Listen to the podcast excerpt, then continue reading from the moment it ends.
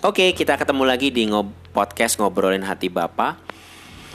Uh, topik yang cukup menarik yang kita mau bahas hari ini atau kali ini dalam podcast kita, kita kali ini. Jadi masih tetap sama ngambil topiknya, topik yang kemarin yang terakhir yaitu hidup itu indah.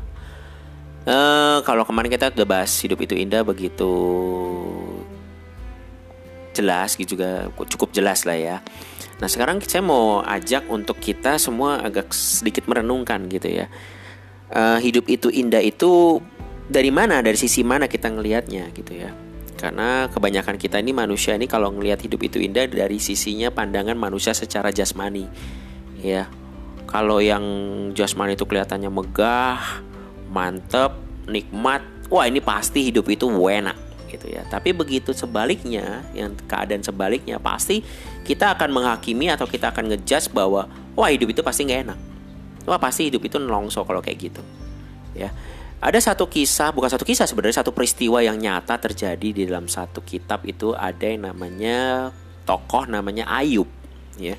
Gak saya percaya semua kita pasti pernah beberapa dari antara kita dengar gitu ya peristiwa yang namanya tokoh Ayub ini gitu ya. Uh, Ayub ini begitu pertama bukan pertama ya. Ayub ini hidupnya begitu sangat-sangat mewah gitu ya. Kaya. Dia dikatakan orang yang paling kaya di daerah itu waktu itu. Dia punya banyak unta, dia punya banyak kuda, dia punya banyak tanah, gembalaan gitu ya. Bahkan anak-anaknya juga cantik-cantik, ganteng-ganteng, punya banyak budak Wah, anaknya 10 dikatakan punya banyak budak, punya banyak hamba. Ya. Tapi istrinya cuma satu, gitu ya. Anak 10 istri satu. Jadi jadi itu satu hal yang yang sangat kalau boleh dikatakan, wih itu hidup yang sempurna dan perfect gitu ya. Jadi nggak mungkin dikatakan hidup yang nggak nggak indah, nggak menyenangkan. Tapi hidup itu sangat indah begitu melihat keadaan uh, keadaan si Ayub ini. Bahkan dikatakan juga Ayub ini orang yang saleh loh Gila kan, berarti kan satu kehidupan jasmani dapat, rohani juga dapat gitu ya. Wah, kita kalau ngelihat secara hidup zaman sekarang kalau orang ini ada bisa dikatakan very crazy rich gitu ya, bukan cuma crazy rich tapi very crazy rich. Oh, taat, Bro. Gitu kan ya, taat banget. Nah, di satu ketika ketika peristiwa ini juga masih sama, artinya tokonya masih sama, dia mengalami peristiwa yang berbeda. Tadi peristiwa yang sangat luar biasa nih Tokoh yang sama juga Ayub mengalami peristiwa yang sangat menyedihkan juga, yaitu di mana dia satu ketika dia mengalami namanya satu kehancuran, kebangkrutan habis gitu ya. Bukan cuma bangkrut tapi habis, habisan gitu ya. Di, di situ dikatakan bahwa anak-anaknya mati gitu. Semuanya mati gak ada sisa. Terus juga semua kekayaannya ludes habis dalam waktu sehari dikatakan dalam sehari itu habis semua dan si Ayubnya juga ini mengalami yang namanya sakit penyakit yang gak ada obatnya gitu ya. Sampai-sampai badannya itu penuh dengan koreng gatal gitu ya. Sampai garuknya aja nggak cukup pakai kuku tapi pakai beling. Dikatakan seperti itu. Nah kalau kita ngejudge di sini kita ngelihat menilai orang ini pasti wah ini pasti hidupnya nggak enak. Hidupnya ini pasti nggak indah gitu ya. Ini hidupnya nggak indah. Tapi tadi sebelumnya yang saya mau katakan tadi wah begitu ngeliat kekayaan wah ini hidupnya indah dia pasti enak banget hidupnya. Tapi ketika di satu sisi hidupnya kemudian berubah total begitu, pasti kita langsung ngejudge, wah ini hidupnya pasti nggak enak nih, hidupnya pasti nggak indah, hidupnya pasti nelongso kata orang Jawa bilang nelongso gitu ya. Wah, nah, nah saya mau jadi kasih ini tokonya sama, tetap sama, satu orang dia bisa mengalami dua peristiwa yang kontras gitu ya bertolak belakang. Nah menurut saudara, menurut teman-teman, hidup yang indah itu baga yang yang yang bagaimana yang dilihat dari peristiwa yang saya ceritakan yang pertama atau peristiwa yang kedua. Saya mau tambahkan juga ketika peristiwa yang kedua itu dia mengalami kebangkrutan habis itu, dia itu dapat berjumpa dengan Bapa Sang Pencipta. Ya, di peristiwa yang kedua. Tapi uh, secara pandangan mata itu ketemu gitu ya. Secara uh, artinya di peristiwa kedua itu Ayub itu bertemu dengan Sang Pencipta. Melihat perjumpaan, mengalami perjumpaan, melihat perjumpaan antara Ayub dengan Bapak Sang Pencipta tapi dengan kondisi yang mengenaskan. mengenaskan very very mengenaskan gitu ya. Ya itu. Kalau saya mau tanya sama teman-teman hidup yang indah itu yang bagaimana? Iya kan? Gimana bro? Kalau menurut lu bro? Menurut pandangan ya kalau kita yang normal ya umumnya pasti akan ngomong yang enak tuh ya waktu Ayub yang kaya raya. Terus eh, keturunannya banyak hartanya banyak uangnya banyak dan taat melakukan perintah, perintah agama. Tuhan Hmm, perintah. agama Hmm, menjauhi larangannya ya kan? Itu itu yang yang yang indah yang itu. Hmm, tapi dari orang yang mengalaminya yang namanya Ayub ini eh, bagi dia yang indah ya ketika mengalami perjumpaan secara nyata dengan Bapa Sang Pencipta sendiri. Bahkan dia berkata eh, dulu sebelum dia eh, mengalami musibah yang besar ini artinya waktu masih kaya raya itu dia bilang dulu aku mengenal engkau dalam yang dimaksud engkau adalah mengenal Bapa Sang Pencipta. Dulu aku mengenal Bapa Sang Pencipta hanya dari kata orang. Hanya dari kata orang. Tetapi sekarang sekarang ini maksudnya ketika dia dalam kondisi yang hancur tadi sudah nggak punya apa-apa hartanya habis anaknya mati dia sakit korengan boroan dari ujung kepala sampai ujung kaki nggak sembuh-sembuh.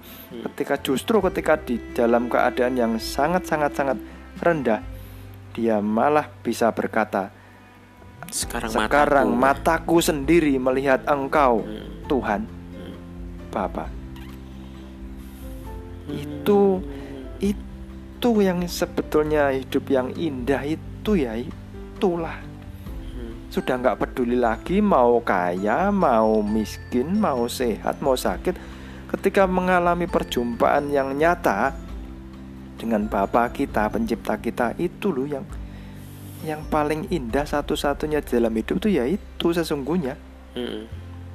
kalau kita membuat target sendiri bahwa hidup yang indah itu hidup yang kaya raya plus kalau bisa ketemu gitu ya plus ketemu. Kan semuanya maunya kalau bisa yang enak-enak enak kaya raya dan ketemu. Wah gitu kan ya itu sumbernya yang mau tak tanyakan sumber pemikiran itu asalnya dari mana? Dari diri sendiri atau dari pencipta kita? Yang dia Hmm. contohkan yang dia eh, berikan kisahnya di buku yang saya baca nggak begitu tuh. Justru ketika orang-orang yang hatinya benar-benar mau iya fokus kepada Bapa Sang Pencipta saja, justru hidupnya secara kasat mata yang dapat kita lihat pakai mata itu hidupnya nggak ada enak-enaknya. Sebut aja misalnya Elia yang pekerjaannya begitu luar biasa, dia seorang nabi. Di satu waktu dia eh, mengalami eh, apa ya kalau istilahnya bisa disebut perang tanding lawan lawan eh, Nabi Baal nabi-nabi Baal, Hmm. dewa Baal ya. Hmm. Dia ngelawan 400 orang 400 nabi. orang Hmm. Dia perang tanding, kamu berdoa sama Tuhanmu yang kamu sembah, Hmm. minta turun api dari langit. Hmm. Aku seorang diri berdoa sama Tuhanku, minta api turun dari langit. Nanti doa siapa yang dikabulkan? Berani nantang begitu loh. Satu lawan 400 bro. Hmm. Nabi bro. Nabi ditantang bro. Nabinya raja lagi bro. Ya toh? Iya. Raja atau ratu 400, Isabel itu lah. ya 400 Nabi ditantang Baal. sendiri bro itu enaknya di mana yang pertama kalau nggak kenal beneran kita nantang begitu oh mati konyol bener nggak Iya sih tapi ternyata dia menang Hmm. menang dan setelah menang kita pikir hidupnya akan naik lebih tinggi kan? Nyatanya enggak tuh. Tiba-tiba dia diburu sama sang penguasa ratu Isabel namanya. Dia ketakutan. Sampai lari lari menyembunyikan diri di pinggir sungai Kerit namanya Hmm. kan. Dia sendirian. Sendirian. Takut ketemu orang. Terus tak tanya dulu enaknya di mana hidup yang seperti itu? Sampai-sampai makan aja nggak bisa. Tapi dalam keadaan yang seperti itu justru dia mengalami campur tangan Tuhannya. Bapak penciptanya Mhm. tidak menelantarkan dirinya. Buktinya apa? Dia diberi makan oleh Bapa Sang Penciptanya dari burung-burung gagak yang mengirimkan makanan kepadanya. Mhm. Burung gagak makanannya apa? Daging ya? Daging mentah ya? Daging mentah ya. Iya. Kalau bisa bangke itu kan. Nah, bangkai juga ya. Mhm. Itu enaknya di mana hidup seperti itu? Indahnya di mana? Makan dari bekasnya burung, Bro. Kira-kira burung gagak kalau bawa makanan pakai serbet gitu nggak? Steril gitu nggak? Steril nggak? Nggak steril Bawahnya dari paling paru pakai ya. kaki, Pakai kaku, cakarnya paru atau ya, parunya kan? Itu sterilnya di mana? Enaknya apa hidup seperti itu? Tapi bagi Elia, ya memang memang begitulah hidup yang harus dia jalani. Yang penting dia bersama dengan bapaknya dan akhirnya ketika saat itu dia bisa ketemu juga dengan bapaknya dalam rupa dalam wujud angin sepoi-sepoi kan. Mhm. Ingat cerita itu enggak? Iya. Tetap Iya. ujung-ujungnya mengalami perjumpaan pribadi dan itu loh yang sebenarnya indah tuh ya itu. Iya, ketika kita berjumpa dengan Bapa Sang Pencipta itu, loh. Iya. jadi kita udah nggak mikir apa-apa lagi sebenarnya nggak bukannya nggak mikir, sendirinya. Ah, dengan sendirinya udah nggak nggak nggak nggak care lagi dengan keadaan gitu ya. Dengan, dengan dengan ego kita tuh sudah Iya, sudah nggak- ada apa-apanya lagi lihat ketika lagi kita gitu ya. bertemu dengan Bapa pencipta kita sang sumber kehidupan kita ya dengan sendirinya aku ini loh keakuanku egoku ini dengan sendirinya akan larut nggak muncul lagi dan tidak perlu muncul-muncul lagi memang dan itu yang indah ya itu mengalami kehendak Bapa itu yang Hmm. Iya. indah mengalami perjumpaan yang nyata loh yang nyata loh bukan bukan yang kita mikir kita pikir kita ketemu Iya, kan iya, bukan iya, iya. Tapi juga kita mau ngomong juga bahwa ternyata eh apa sih kalau mau mengalami seperti itu nggak harus nggak nggak harus mengalami yang seperti Ayub juga kan. Artinya eh, nggak perlu sampai harus habis juga baru mengalami perjumpaan kan tahu. begitu. Nggak tahu juga kan. tapi skenario kan iya kadang-kadang kan kita bikin skenario kan. Kadang-kadang enak bikin lagi kan buat diri kadang- sendiri iya kan. kadang-kadang bikin skenario ah jangan sampai ngalamin kayak gitu. Atau gimana lah nggak tahu lah. Pokoknya intinya intinya bahwa ternyata kita nggak bisa ya nggak bisa mikir sampai kadang-kadang kan mikirnya gitu ya orang ya wah Iya. harus harus jatuh dulu baru ketemu gitu kan ya Nah, itu Nggak- juga bukan jadi patokan juga. Bukan jadi patokan, bisa. gitu Karena kan. mereka yang mengalami mereka nggak mikir itu kok. Mereka nggak punya skenario dulu. Oh, aku nih jatuh nanti aku akan ngalami ketemu. Enggak, mereka nggak mikir begitu. Iya. mereka cuma jalani dengan iya hati yang tulus. iya jadi Bahwa hidup ini ya bukan milik mereka. Hidup Iya. ini milik pencipta kita. iya betul Hidup ini yang mengawali pencipta kita. Iya. Ya terserah dia skenario mau dibikin apa. Jangan Betul. bikin skenario sendiri. Ya itu dengar juga tuh teman-teman ya. Jadi jangan ada yang matok seperti itu juga ya teman-teman Iya. juga bisa kasih tahu nih ya bahwa jangan mikir wah untuk ketemu nih harus habis-habisan dulu enggak gitu ternyata Belum ya. tentu. Belum tentu teman-teman ya. Berarti itu tergantung bukan tergantung itu kehendak sang pencipta kehendak Iya. Bapa gitu kan Iya. yang yang bagaimana dia mau gitu kan. Iya. Jadi diingat juga tuh satu poin yang harus digarisbawahi gitu kan. Iya, kita nggak bisa bikin skenario sendiri. Itu bukan kemampuan kita. Iya. skenario hidup kita masing-masing itu ya sudah ada di tangan sang pencipta Iya. kita. Mau dijadikan apa ya terserah dialah. Hmm. Sama kayak ilustrasi yang dulu tak sampaikan tuh. Hmm. Ya, kita sama manusia aja bisa nurut. Contohnya aktor, aktris itu kan nurut sama sutradaranya. Hmm. Hmm. Mau dikasih peran orang gila, ya tetap jalan itu. Hmm. Mau dija- dikasih peran orang yang dari kaya jadi miskin langsung, ya tetap dijalan itu. Iya. Itu sama Betul. perintah manusia aja bisa nurut. Betul. Kalau lu nggak nurut, ya keluar dari filmnya. Iya, keluar dari filmnya. Nggak usah ikut. Iya. Cari film yang lain atau Iya. buat film sendiri kan. Karena Bapak Sang Pencipta kita ini juga sama juga seperti sutradara yang agung yang menentukan Iya. semuanya. Jadi nggak ada yang Iya. kebetulan gitu Iya. kan. Jadi Catat ke- lagi keindahan itu. yang kita pahami pada umumnya kan oh hidup itu indah kalau semua keinginanku terpenuhi. Yes. Kan gitu kan? Yes. Kalau eh, yang ada di depan mataku yang tak alami itu enak, itu Yes, indah, Itu indah. gitu. Kalau yang tidak sesuai keinginanku itu nggak indah. Iya. Kan yang dipahami begitu, yang tak pahami dulu kan Iya. begitu. Iya. Ternyata hidup yang seperti itu justru itu adalah hidup yang sangat tidak indah. Kenapa?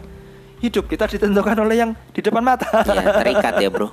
Jadi Iya, terikat. Bukan terikat, di- dikendalikan Dikuasai, sepenuhnya, dikuasai ya. sepenuhnya oleh Dikuasai. yang di depan mata kita. Kita Keadaan. cuman bisa eh, merasakan enak kalau yang di depan mata kita itu enak, Enak. menyenangkan, sesuai keinginan kita. Hmm. Yang kalau yang di depan mata kita itu nggak enak, kita langsung sedih. Itu kan seperti apa ya? Kalau diumpamakan bisa seperti hanya tombol lampu itu loh. Kalau dipencet on lampunya nyala, kalau dipencet off lampunya mati. Cuman Iya. begitu. Itu indahnya di mana? Hidup yang sangat-sangat mekanis, Yes. yang sangat-sangat rapuh. Heeh. Ta- tapi kalau kita mengalami perjumpaan pribadi dengan Bapa Sang Pencipta, kita akan melampaui semuanya itu dibuat oleh Bapa, bukan kita yang melampaui, dibuat oleh Bapa melampaui semuanya itu. Ketika sedang mengalami hal yang di depan mata rasanya kok nggak enak, itu kita nggak akan merasa nggak enak kok. Ada Bapa di dalam kita, tetap kita akan fine-fine aja. Sebaliknya ketika mengalami sesuatu yang enak, kita juga nggak- akan jadi, wih enak banget, lang- langsung terikat begitu pengennya begitu terus enggak, kita juga nggak akan mengalami itu juga. Kita akan menganggap yang enak dan nggak enak itu ya biasa aja. Mhm. Yang enak nanti akan toh akan berlalu, Mhm. yang nggak enak juga akan berlalu. Hmm. Yang pernah tak alami lah, Iya, yang pernah karena- tak alami ya. Contoh ya, waktu aku sakit vertigo, nggak tahu bangun pagi bangun pagi-pagi tiba-tiba kepalaku, pandanganku muter. Tak buat jalan dari tempat tidur turun jatuh. Nggak jatuh gimana vertigo, kepala muter. Pandangan muter kayak kipas angin ini loh yang di atasmu ini. loh. Bayangkan itu. Tapi anehnya waktu itu di dalam diriku ini itu nggak kerasa nggak nyaman, nggak ada rasa khawatir, nggak ada rasa takut, yang ada rasa damai yang damai yang benar-benar damai karena aku merasakan ada bapakku di dalamku. Dan tidak ada juga keinginan berdoa minta sembuh juga nggak ada. Walaupun di telingaku tuh ada suara yang ngomong minta aku sembuh minta aku sembuh. Suara itu tak balas. Dengan jawaban kenapa aku harus minta sembuh? Ini bapakku di dalamku aku rasa kok. Aku tahu bapakku di dalamku aku nggak perlu minta sembuh aku cuma butuh mengalami bapakku. Walaupun keadaanku saat itu ngeledak di tempat tidur. Dari jam berapa bro? Dari jam 7 bro. Sampai jam 2 kurang lebih. 7 jam bro. Tapi selama 7 jam itu anehnya sama sekali itu nggak ada perasaan yang Hmm. takut khawatir tadi yang nggak nyaman nggak ada tuh. Justru aku mengalami kebersamaan dengan bapakku begitu damainya begitu indahnya saat itu padahal secara fisik begitu tidak indahnya tapi di dalam rohku di dalam hatiku di dalam bagian tubuh yang nggak kelihatan itu itu nggak sepakat dengan fisik yang tak alami Hmm. ini susah jelaskannya sebenarnya tapi ya alami aja sendiri alamilah sendiri Iya. Gimana cara ngalami? Ya kembalilah. Kamu punya hati yang tulus untuk mengenal Bapa Sang Pencipta Yesus Roh Iya. Kudus. Itu aja. Hati panggil tulus. dia dengan hati yang tulus, Bapa. Atau panggil Yesus atau panggil Roh Kudus sama aja. Hmm. Bapak, aku mau kenal engkau toh. Aku mau mengalami engkau. Tolong aku, aku mau mengalami engkau. Ya. Nyata. Jangan nyata. Hmm. Dan biar aku me- mengalami bahwa hidup ini milikmu, engkau yang mengendalikan hidupku, engkau yang mengatur hidupku, apa pun yang kau kehendaki Bapak, apa pun. Hmm. Enak atau enggak enak bagiku, aku enggak peduli lagi. Yang penting hanya kehendakmu saja jadikan Bapak, jadikan. Aku mau mengalami engkau Hmm. setiap waktu. Sudah itu aja loh. Iya. Kamu kan ngalaminya juga begitu kan? Iya, nggak Bener nggak nggak pakai ritual-ritual. Lu ya. ngalami nggak? Ngalami cuman Modalnya hati kan? hati yang bener-bener ya lu rindu kan ya haus dan lapar ya boleh dikatakan Iya, lagi sad- kan. sadar lagi bahwa Iya. hidup ini dari engkau. Iya. Engkau yang mulai, bukan aku. Iya. Ya lakukan aja yang kau mau. Hmm. Apa pun. Hmm. Gitu. Nanti di kesempatan berikut kita akan kasih contoh-contoh lagi. Tokoh-tokoh yang lain Hmm. betapa secara dilihat mata itu nggak enak bener hidupnya bener-bener nggak enak tuh nggak enak ya tapi yang ngalami nggak ngomong begitu nggak ngomong gitu mereka meng- mereka sudah mendapatkan segala-galanya kan dengan mengalami perjumpaan dengan bapak itulah Segala-galanya. itulah hidup ya oke oke kayaknya gitu ya bro ya untuk kesempatan gitu aja. kali ini ya podcast kali ini kita bicara tentang hidup itu indah gitu Iya, ya nanti disambung lagi bahwa memang hidup itu indah Iya, jadi memang sesuatu yang sangat luar biasa bahwa hidup itu benar-benar indah kalau kita berjumpa dengan Bapa Sang Pencipta kita Iya. itu loh. Kita udah nggak lihat lagi keadaan kondisi secara fisik, secara mata. dengan gitu. sendirinya loh ya tapi sendirinya. jangan dibalik loh prosesnya jangan dipikir-pikir, jangan dirasa-rasa gitu kan maksudnya. jangan bro. dibalik prosesnya oh berarti kalau mau ketemu bapak pencipta aku harus harus susah dulu gitu. ya? salah Harus susah dulu ya. Salah, urutannya salah. Nggak, nggak ada gitu. Itu urutannya dia. ketemu dulu nanti dengan sendirinya kita akan lepas dari Iya. keakuan Mm-mm. Ketemu dulu Jangan dirancang-rancang lah gitu. iya jangan gitu ya. dirancang-rancang Jangan dirancang-rancang. jangan pula merancang oh nanti kalau ketemu berarti aku bilang salah juga nggak perlu itu nggak perlu belum tentu juga kehilangan gitu kan. Iya, kalau terserah dia. Mm, terserah dia gitu Terserah kan. bapak sang pencipta Iya terserah dia gitu kan. Dia Jadi jangan bertahu. ada lu jangan bikin skenario sendiri lah, ya itu gitu loh kan. gampangnya jangan bikin skenario sendiri karena Iya. kalau kita bikin skenario sendiri itu sumbernya cuma pikiran kita kok Iya, Nah, pikiran kita dibandingkan dengan bapak sang pencipta itu Luasan mana gitu kan. Besar mana. Besar mana gitu Iya. kan. Iya gitu sih. Jadi teman-teman jangan bikin skenario sekali lagi dalam kehidupan ini gitu ya ya. nggak perlu Nggak perlu. bukan bagian kita bukan bagian kita. Ingat Bapak itu sutradara yang agung, Ah. ya kan? Hmm. Dia tahu apa yang terbaik sebenarnya buat hidup kita. Ya, dia tahu yang terbaik dong. Benar gak bro? menurut versinya dia Ya versinya dia, dia tahu yang terbaik, bukan versinya kita ya. Bukan. Jangan, jangan. versinya kita ya tadi ketika enak oh seneng ketika nggak enak sedih itu kayak Iya, tombol lampu iya, tadi iya, tombol lampu iya. pencet on nyala pencet off Bapak tahu yang terbaik. Menurut versinya dia, kacamatanya dia, iya. bukan kacamata kita. Jadi jangan kebalik-balik ya, Bro. Ya, oke gitu eh, kita akhiri podcast kali ini. Jangan lupa untuk tekan lonceng, subscribe untuk mendapatkan peringatan atau hmm, apa? beritahuan pemberitahuan kalau ada podcast yang baru. kalau Tapi- cocok Kalau cocok. kalau nggak cocok nggak usah tinggalin aja Iya, secepatnya Secepatnya. kita nggak nggak ngajar orang Nggak ngajar cari orang dan nggak juga. minta minta apa-apa gitu nggak ya. cari pengikut nggak cari duit juga kok cuman berbagi Berbagi. Yang karena kita ini- alami. nah, karena kita alami. Iya. Oke. oke See you.